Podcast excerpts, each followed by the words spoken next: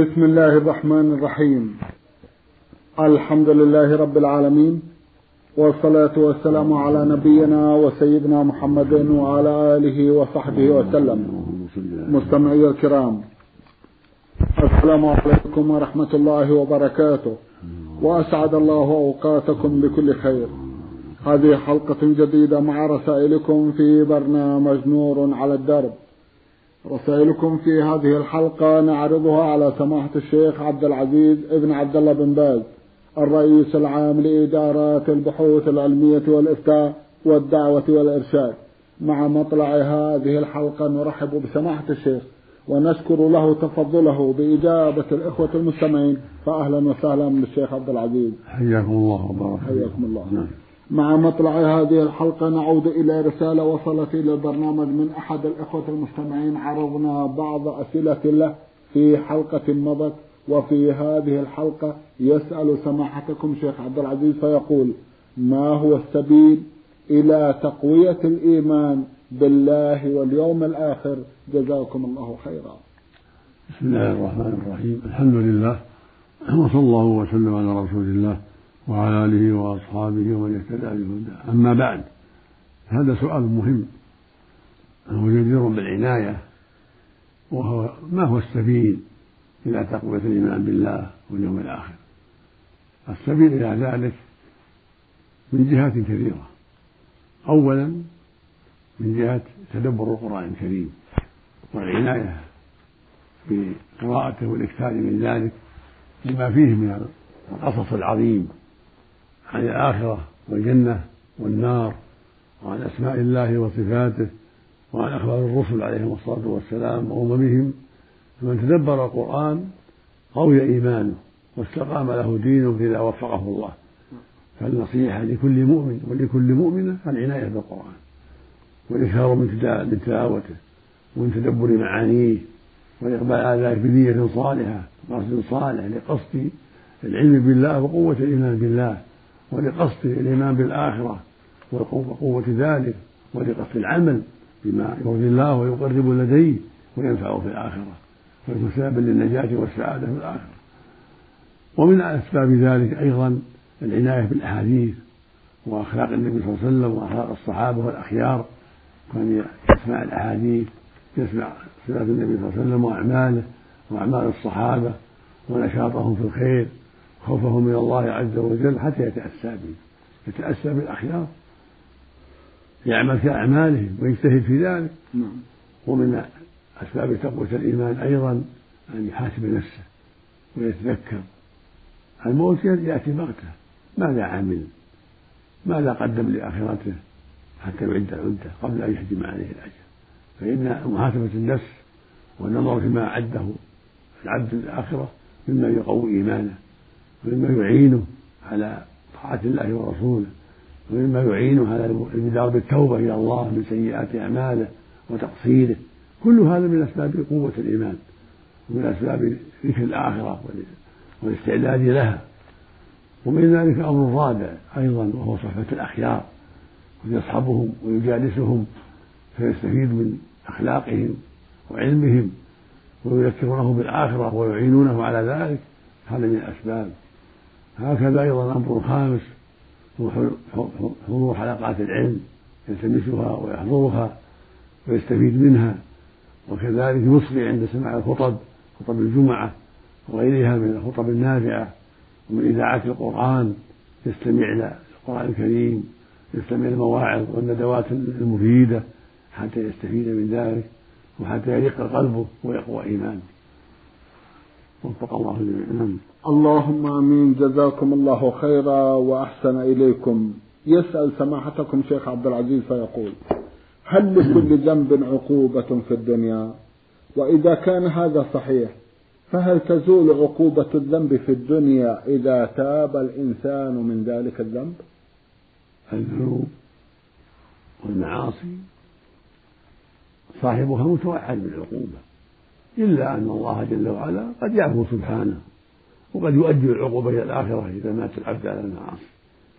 فالواجب على المؤمن والمؤمنة الحذر من عقوبة الله وغضبه والبدار بالتوبة والحذر من السيئات واقترافها أولا يحذرها ويبتعد عنها وعن أسبابها وعن مجالسة أهلها. ثانيا إذا وقعت السيئة بادر بالتوبة بادر بالإقلاع والندم والإقلاع من المعصية. والعزيمة الصادقة ألا يعود فيها يرجو ثواب الله ويخشى عقاب الله. أما كونه يعاقب قد لا يعاقب قد يمهل قد يملى له قد يعاقب على سيئة دون سيئة قد يعاقب بقسوة القلب ومرض القلب قد يعاقب بأشياء أخرى قد يعاقب بتلف مال قد يعاقب بمرض قد يعاقب بتسليط عدو عليه وإيذائه إلى غير هذا. العقوبات متنوعة لكن ليس كل ذنب له عقوبة قد يعفو الله. قد يمهله وينظره. قد يعفو الله عنه. فالإنسان لا يقول أنا معفو عني بإمهال الله. لا يحذر. فقد تكون العقوبة في الآخرة أكبر وأشد. المقصود من واجب الحذر. فقد يملى الإنسان وقد يمهل ولا يعاجل القلوب بالعقوبة. فتكون العقوبة في الآخرة أكثر وأكبر. ولكن على المؤمن أن يحذر. يقول الله عز وجل ولا تحسبن الله غافلا عما يعمل الظالمون. إنما يؤخرهم ليوم تشخص فيه الأبصار. فصريح بأن الله قد يؤجل عقوبته إلى الآخرة. ويقول عز وجل سنستدرجهم من حيث لا يعلمون. وأملي لهم إنك إن كيدي متين. يستدرجهم بالنعم على المعاصي التي يفعلونها. يستر عليهم ولا يؤاخذهم. فتكون ذلك فيكون ذلك من أسباب العقوبة في الآخرة شاء الله أو من أسباب عقوبة كبيرة عظيمة. في آخر حياته قبل وفاته. المقصود أن الإنسان يحذر ولا يأمن. يقول جل وعلا أفأمن مكر الله؟ فلا يأمن مكر الله إلا قوم الخاسرون. قد تعجل عقوبته وقد تؤخر وقد تعاقب عقوبة عظيمة. من أسباب تكون من أسباب موت قلبك من أسباب كفرك وضلالك. فلما زاغوا وزاغ الله قلوبهم. وقال تعالى ونقلب أفئدتهم وأبصارهم. كما لم يؤمنوا أول مرة ونذرهم في طغيانهم يعمهون فالعاقل الحازم يحذر الذنوب ولا يأمن ويجتهد في التوبة الصادقة النصوح بالندم على الماضي والإقلاع من الذنب والحذر منه والعزيمة الصادقة أن لا يعود. هكذا يكون الحريص الحازم من الرجال والنساء. نعم. جزاكم الله خيرا وأحسن إليكم. يقول هل ورد حديث يبين أن المؤمن إذا قرأ سورة الواقعة كل ليلة لم تصبه فاقة؟ ورد في ذلك أحاديث ليست صحيحة فيما نعلم. والقرآن كله خير قراءته كله خير. وما يحصل من الأجر للقارئ إذا تدبر وأصلح النية الأجر عظيم. ينفعه في الدنيا والآخرة. قد يرزق في الدنيا ويرزق في الآخرة بأسباب قراءته الطيبة وعمله الصالح وتلاوته لكتاب الله. ففي تلاوة كتاب الله مع النية الصالحة الخير العظيم العاجل والآجل. لكن كونه يسلم من الفاقة بسبب قراءته الواقعة هذا جاء في الحديث لكن ليس ليس بذلك ليس بصحيح. نعم. الله المستعان جزاكم الله خيرا نعم. وأحسن إليكم. نعم. إذا رأى المؤمن النبي صلى الله عليه وسلم في منامه فهل هذه الرؤيا حقيقية؟ وإذا تكررت الرؤيا عدة مرات فما تعليقكم على هذا؟ جزاكم الله خيرا. الرسول صلى الله عليه وسلم يقول من رآني في المنام فقد رآني فإن الشيطان لا يتمثل في صورته إذا رأى في صورته الكريمة وسط من الرجال ليس بطويل جدا ولا قصير بل وسط وذو لحية سودة ليس فيها إلا شعرات قليلة بيض وهو من أجمل الرجال. قد أعطاه الله الجمال الخلق والخلق الخلق والخلق عليه الصلاة والسلام. فإذا رآه في صورته فقد رآه. فإن أمره بخير ودعاه إلى خير فليسارع إلى ذلك. وإن نهاه عن شر فليسارع إلى تركه. فالحاصل أنه إذا رأى على صورته فقد رأى عليه الصلاة والسلام. فإن أمر بمعصية فهو لم يره. هذا فليس على صورته. فالشيطان شبه بذلك. إذا أمر بالزنا أو بالمعاصي أو بالسرقة أو بترك الصلاة فهذه علامة أن ليس هو النبي عليه الصلاة والسلام. وأنه شبه عليه. أما إذا أمرك بخير أمرك بالصلاة أمرك بالاستقامة على دين الله بصلاة الرحم بر الوالدين أو لم يأمرك بشيء لكن رأيته على صورته فقد رأيته. نعم. جزاكم الله خيرا وأحسن إليكم. هل يجوز للإنسان المسلم الاشتغال بالعلوم الدنيوية كالفيزياء والرياضيات والكيمياء بحيث لا تشغله عن الصلاة وعن ذكر الله؟ لا لا حرج الحمد لله. استعمل العلوم الدنيوية التي قد ينتفع بها الإنسان هذا لا لا حرج فيه. الحمد لله. نعم. جزاكم الله خيرا وأحسن إليكم. من المستمع عواد سعود علي الزهيري الجهني رسالة وضمنها جمعا من الأسئلة. في أحدها يسأل عن حكم من حلف بالله ثم لم يلتزم بما حلف عليه. جزاكم الله خيرا. الحلف بالله سبحانه وتعالى حق وعلى صاحبه.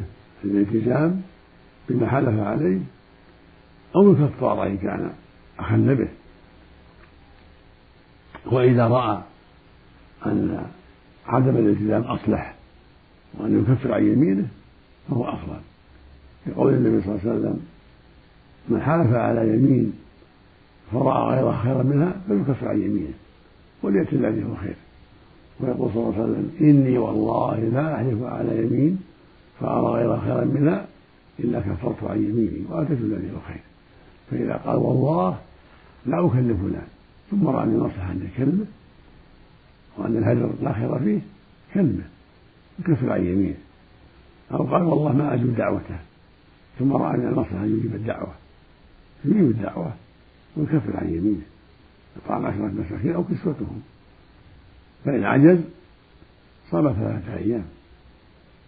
وهكذا. إذا حلف أنه ما يسافر البلد يجوز السفر إليها. ثم بدأ له يسافر يكفر عن يمينه أو شاء أو حلف أنه لا يحج أو لا يعتمر وقد حج الفريضة لكن حلف أنه لا يتطوع. فهو حينئذ يكفر عن يمينه. إذا تيسر له الحج أفضل له يكفر عن يمينه ويحج ويعتمر يزود من الخير. نعم. أما كان فريضة يلزمه أن يحج فريضة. ويكفر عن يمينه وهكذا. حلف أنه ما يبر والديه؟ أو حلف أنه يعصي أباه؟ أو يعصي أمه؟ هذه يمين ما فاجر ما تجوز. كفر عن يمينه يبر والديه. أو الله ما يصلي في الجماعة. هذه يمين كاذبة فاجرة. يصلي في الجماعة ويكفر عن يمينه ولا يطاوع الشيطان. المقصود إذا كانت اليمين على فعل معصية أو ترك واجب يلزمه التحلل منها كفر عن يمينه فيعمل الواجب ويدع المعصية أما إن كانت لا في مباح نعم. أو في مستحب ينظر المستحب الأفضل يفعل المستحب. مثل والله ما يصلي الراتبة لا يكفر عن يمينه والله ما يصلي الضحى يكفر عن يمينه يصلي الضحى أفضل له. أما المباح ينظر فيه. فإن رأى الأصلح فعله فعله كفر عن يمينه نعم. قال والله ما أتغدى عن فلان. أو والله ما أكلم فلان فإذا رأى المصلحة أنه يكلمه أو يتغدى عنده أو يتعشى عنده كفر يمينه جزاكم الله خيرا وأحسن إليكم. يسأل سماحتكم عن موقف الإسلام من المتخاذلين والمتكاسلين عن الصلاة. موقف الإسلام أنهم متهمون بالنفاق بهذا. إذا غيروا بالكسر عن الصلوات فهذه علامة النفاق. الإسلام منه ذمهم وعيبهم على هذا. وأن الإسلام يذم من تخلف عن الصلوات وتكاسل عنها. وصف الله وصف الله بهذا المنافقين. قال تعالى إن المنافقين يخادعون الله وهو وإذا قاموا إلى الصلاة قاموا كسالى. يراءون الناس ولا يذكرون الله إلا قليلا. فليفتش الإنسان عن عيوبه وليتوب إلى الله منها. فإذا كان من عيوبه التكاسل عن الصلاة فليعلم أن هذا من صفات أهل النفاق. وليبادر بالتوبة إلى الله من ذلك وليحذر التخلق بأخلاقهم. وهكذا إذا كان من عيوبه التدليس والغش للناس هذا من أعمال المنافقين أيضا. يخادعون الله وخادعهم. آية المنافق ثلاث يقول النبي صلى الله عليه وسلم آية المنافق ثلاث إذا حدث كذب وإذا وعد أخلف وإذا اؤتمن هذه من صفات المنافقين نعوذ بالله. ومن صفاتهم قلة ذكر الله. من صفاتهم أنهم أهل غفلة. لا يذكرون الله إلا قليلا. من صفاتهم الرياء في أعمالهم صلي رائي يقرأ يرائي يتكلم بخير يرائي. فالواجب الحذر من صفاته وأن يكون في أعماله مخلصا لله. تريد وجهه الكريم. لا رياء ولا سنة نعم. جزاكم الله خيرا وأحسن إليكم رسالة بعث بها أحد الإخوة المستمعين يقول أبو حامد من الرياض. أخونا يسأل عن عدد من القضايا من بينها قضية يسأل عنها ألا وهي وضحوا لنا مسألة دهس الحيوانات بالسيارة بغير قصد مثل القطط والكلاب أجلكم الله والغنم والجمال وما أشبه ذلك ولا سيما إذا كان ذلك في الطرق السريعة. هل علينا كفارات أو ما يشبه الديات. جزاكم الله خيرا. ليس للمسلم أن يتعمد دهس الدواب لا قط ولا كلب ولا حيوان آخر. لا يجوز له قتلها بغير حق. لكن إذا وقع بغير قصد فلا شيء عليه. إذا وقع دهس قط أو كلب ليس عليه. شيء أما إذا كان الحيوان مملوك كالغرب كالغنم والإبل يضمنها لأهلها.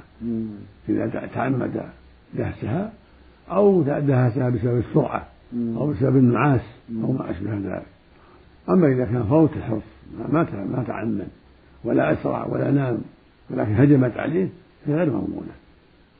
غير مضمونة بل صاحبها هو اللي أخطأ وأرسلها في الطرقات نعم. جزاكم الله خيرا وأحسن إليكم. الواقع سمحت الشيخ كثيرا ما تنشر الصحف عن ضحايا كثيرين بسبب الدواب التي تنساب حول الخطوط السريعة. هذا واقع. هذا واقع والواجب على الحيوانات حفظها وإبعادها عن الخطوط. لا يجوز لهم أن يتركوها حول الخطوط.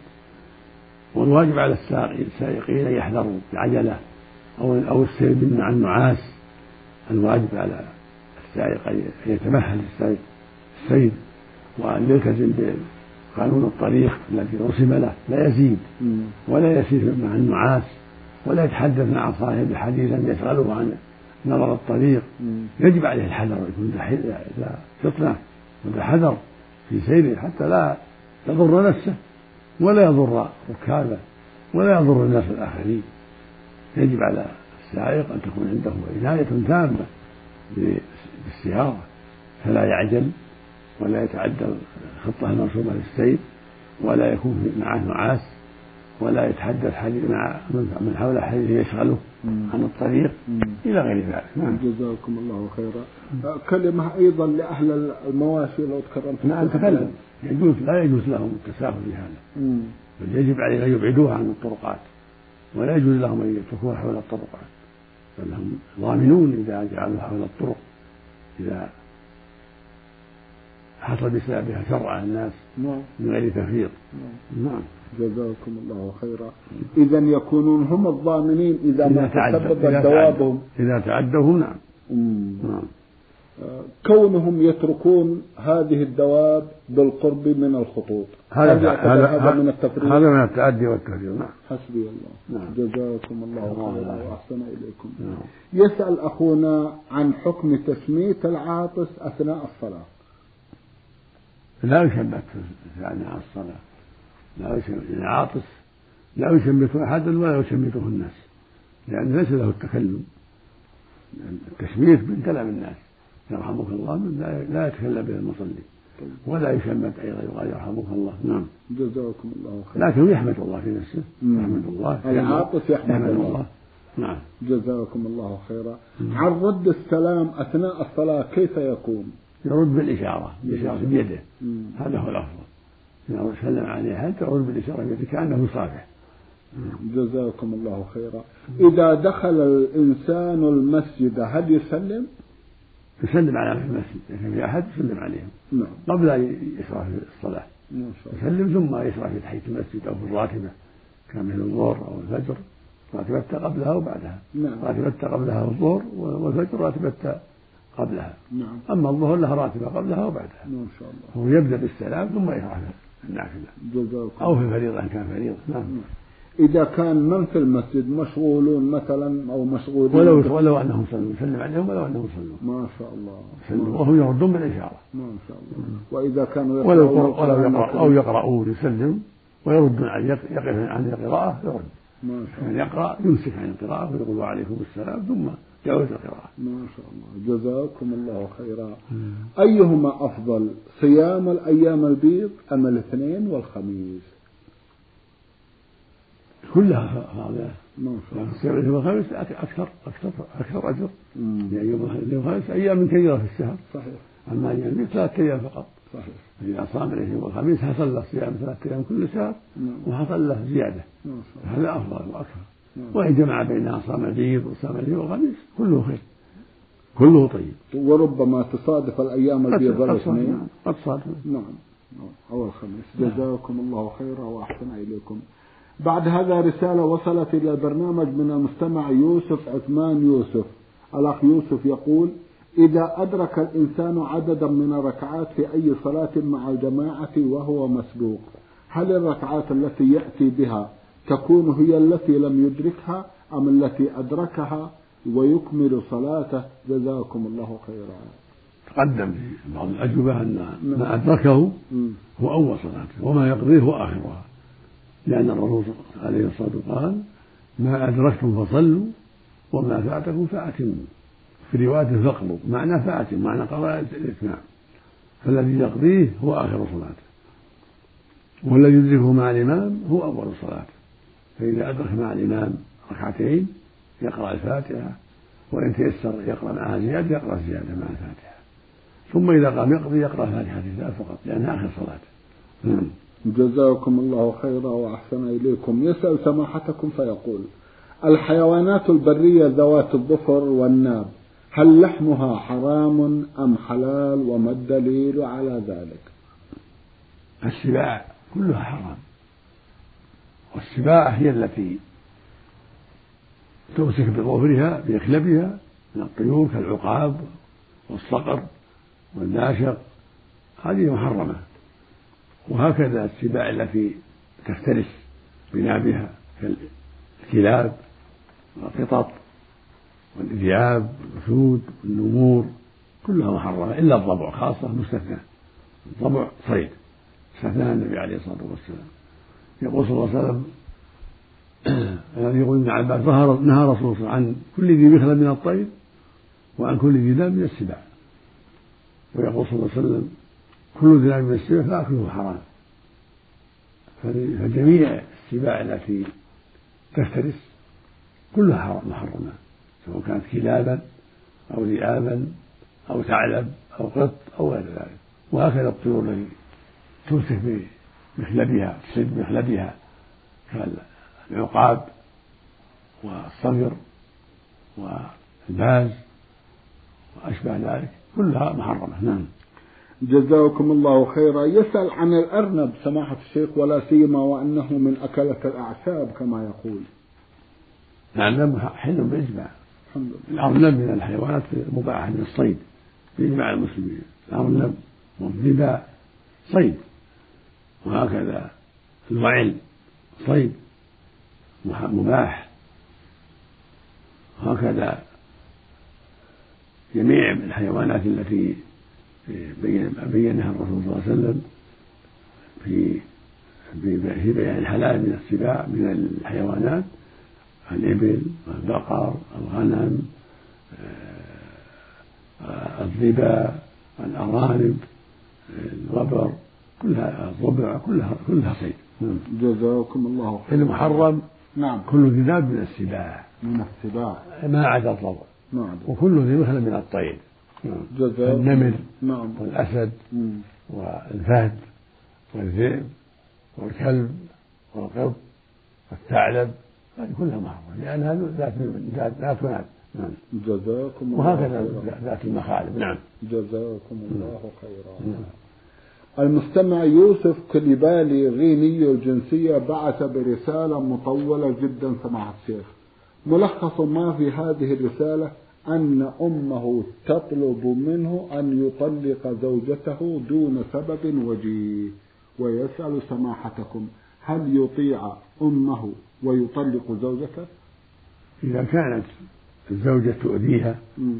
أو تظلمها أو فاسقة فعليها تطيع الوالدة أو الوالد أما إذا كانت المرأة مطيعة لله مستقيمة على دين الله غير مؤذية لوالديك فلا يلزمك طاعة والدك ولا والدك في ذلك لقول النبي صلى الله عليه وسلم إنما الطاعة بالمعروف هكذا جاء الحديث عن رسول الله صلى الله عليه وسلم إنما الطاعة بالمعروف لا طاعة المخلوق في معصية الخالق وتطليق المرأة من الإسلام ليس بطاعة ولا معروف. بل ما ينبغي. أقل الأحوال الكراهة فإذا كانت امرأة مستقيمة غير مؤذية للأم ولا للوالد بل مطيعة لله تقوم بحق الوالد والوالدة. فليس لك أن تطيعه في طلاقها ولا يلزمك. أما إن كانت تؤذيهم بسبب لسانها أو بأفعالها أو لأنها معروفة بالمعاصي والشرور فينبغي لك تطيعها حتى ولو ما طلبوا منك. نعم. جزاكم الله خيرا وأحسن إليكم سماحة الشيخ في ختام هذا اللقاء. أتوجه لكم بالشكر الجزيل بعد شكر الله سبحانه وتعالى على تفضلكم بإجابة الإخوة المستمعين. وآمل أن يتجدد اللقاء وأنتم على خير. نرجو ذلك. مستمعي الكرام كان لقاؤنا في هذه الحلقة مع سماحة الشيخ عبد العزيز ابن عبد الله بن باز الرئيس العام لإدارات البحوث العلمية والإفتاء والدعوة والإرشاد. شكرا لسماحة الشيخ. وأنتم يا مستمعي الكرام شكرا لحسن متابعتكم وإلى الملتقى. وسلام الله عليكم ورحمته وبركاته.